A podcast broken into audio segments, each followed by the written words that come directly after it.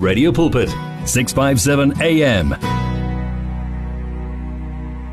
Ilapho khona impela awulahlekile ikhaya lakho leli singomngani siphinde futhi sibe ngumsizi wansuku zonke. Unga downloada ne app kuyo smartphone kuyo tablet unga live streamer ku www.radiopulpit.co.za asitholeni ke amazwi azos encourage ngoba i-encouragement siyayidinga um usuku nosuku. Kungenzeka ukuthi uyaphuma kwamanje uhlangane nento nje or uzwe something bese iya discourage but uma unathi la ekhaya senza sure ukuthi imotivation uyayithola iencouragement uyayithola. Eh sinomuntu omusha la usipho Jordan. Eh si njoba ke si sizohamba naye kulenyanga yonke. So ngaso nje lesisikhathi um every sunday nansi imotivation eh azosithulela yona. Sawubona? Yebo ninjani sipashe ay ay ay siphilile wena unjani Hayi impilo yiningi angithi Jesu siphele ichichimali Yebo. Iningi kakhulu. Iningi kakhulu. Amen. Amen. Enisibonga yena yazi. Ya sibonga yena sibonga akekho umuntu. Hallelujah. Hallelujah. Ngicela ubingelele bese ke usithulela eyanamohla imotivation. Ah ngibonga ngibonga sibahle. Ngibingelele ku family yethu yaka Radio Pulpit last July khona ezinye. Em igama ngisise uyo Sipho Jordan usindisiwe eh a Christian comedian as well. Umuntu omusha ngimusha kayithuke mina. Eh ngike ngasha. Okay. Futhi eh ngimusha so ngumuntu owasha futhi ngumuntu omusha. Hallelujah. So ngishaka ngimusha yonke indaba.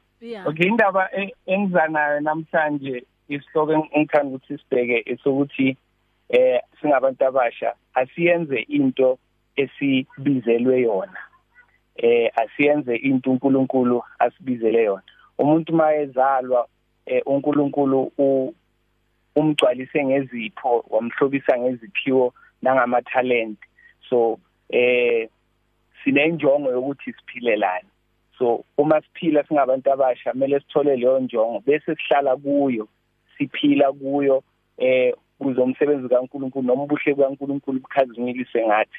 So la ku Matthew chapter eh 25 funda nje kancane uverse eh 27 eh Matthew chapter 25 uverse 27 lithi uh, then you ought to have invested my money with the bankers.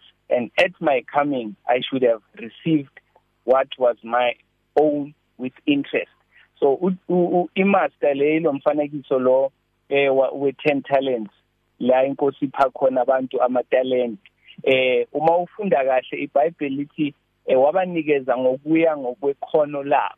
And inkosi bebanikeza lama talent ngoba iyazi ukuthi banekhono lokwa multiply so lo esikhuluma ngaye yilo othatha italente lakhe walifihla inkinga icala lapho ke ukuthi inkosi ikunikeze ikhono lokumultiply talent hayi ikhono lokufihla italent. So lo apply into angabizelwanga yona.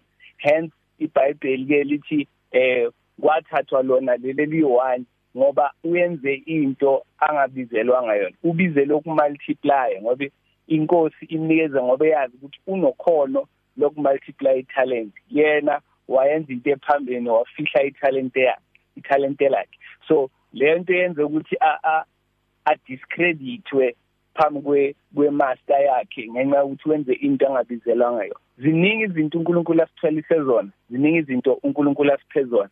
And uma asipha lezipho usiphe ngoba eh azi ukuthi sinekhono lokuthi sizisebenzise to the fullest capacity of those gifts.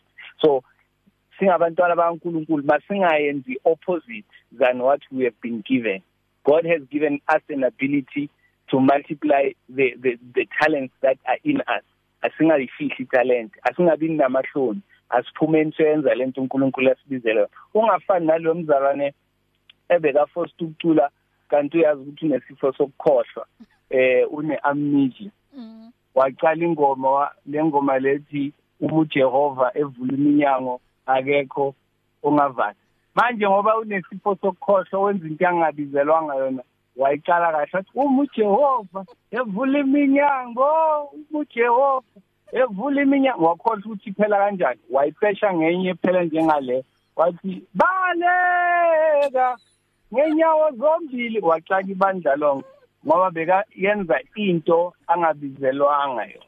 Yilawo amazwi wami okukhuthaza namhlanje ukuthi awuyenze into uNkulunkulu akubizele yona. Akudalele yona. Yebo ngoba singabantu um uNkulunkulu siphe uh, ama ama gifts nama talents ahlukahlukile.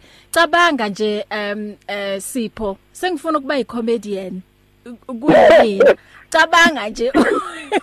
Abantu bazovele balale bathi hawu kanti injani le comedian so uyabona nje ukuthi uNkulunkulu omunye nomunye umuntu nje umnikeze isipho sakhe. So asihlaleni kuzona. Injalo amen. Siyabonga le asithembe ukuthi abantu abasha bakuzwe kahle ukuthi nje um i ukukom ukucompete nabanye abantu ngendlela er, engekho right ngikhumbula last week bengina uh, this young uh, guys okuwukuthi bakhuluma into ebalekile ukuthi yes kune kuno unga ungaba in a competition but uthola ukuthi yeah. competition e right and then kunamanye ama competition okuwukuthi awekho right. yes yeah, angekho yes, healthy yes. So let us singene kwi competition but kube i competition okuwukuthi egcineni kosuku iyozuza mina iphinde futhi izuze nomunye umuntu hayi ukuthi imlimaze uyabona? So ukuze nje sikwazi ukufinyelela lapho ukuthi senze lokho kushoyo uthi asenzeni into uNkulunkulu asidalele yona. Singabantu sila emhlabeni for a purpose. So ayibonakale. Thank you so much. Konje bamthola kuphi uSipho Jordan? Eh uyatholakala konke ama social media platforms ku Twitter TikTok eh Instagram na ku Facebook igama nje lilodwa uJordan Sipho. Ah lapho nje ngimini nasesimeni sikamoya ngiyatholakala. Eh mawukhuleka nje yeah. ngiyanyavela nokuvela nje emoyeni. Eh kulaba bakamoya. Ngisafuna ukukuchecka ku TikTok ukuthi wenzani. Hey! Eh ngithula ngezi nakho. Hayi into enhle impela. Wena kwamanje mengidropa la iphone ngiyomfuna usipho eh Jordan ku TikTok ngibona ukuthi uyajula ngempela ngezi. Asiphinde sihlangane futhi next week um for ithagethi Ah sibonga uma inkosi nathi ngilapha estudio next week Sunday Hallelujah Amen I used to say all the time I wouldn't have a God that I couldn't feel sometimes One vision one voice one message Radio Pulpit 657 AM and 729 Cape Pulpit, impacting lives from Gauteng to the Cape. I love you. I love you. I love you. I love you, Lord. Smoking off for Uta Hallelujah. Da Alchemist. Uta thank you, Brother Sipo Jordan, for reminding us that as the youth, we should do what we are born to do. Bless you, say. It's difficult to face the overwhelming pressures of life alone. Sometimes we just need someone to talk to, someone to listen to us. And what better way to do that than through a quick and easy WhatsApp text? Whether you're having a hard time coping with school, family issues, being bullied, depression, or anxiety, speak to someone who cares today. Send a WhatsApp message to 064 530 6805 or 074 995 9085.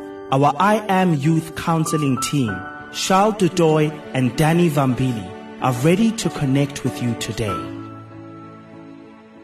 In today's rush world, there is limited time for yourself. Your cell phone, however, is with you all the time. So why not use it? Visit our Radio Pulpit website with your cell phone and restore your soul. There you can find out more about Radio Pulpit. Download the Bible to your cell phone, read Word for Today, and you can listen to us online. Just visit www.radiopulpit.co.za. Especially developed for your cell phone. Radio Pulpit, your daily companion.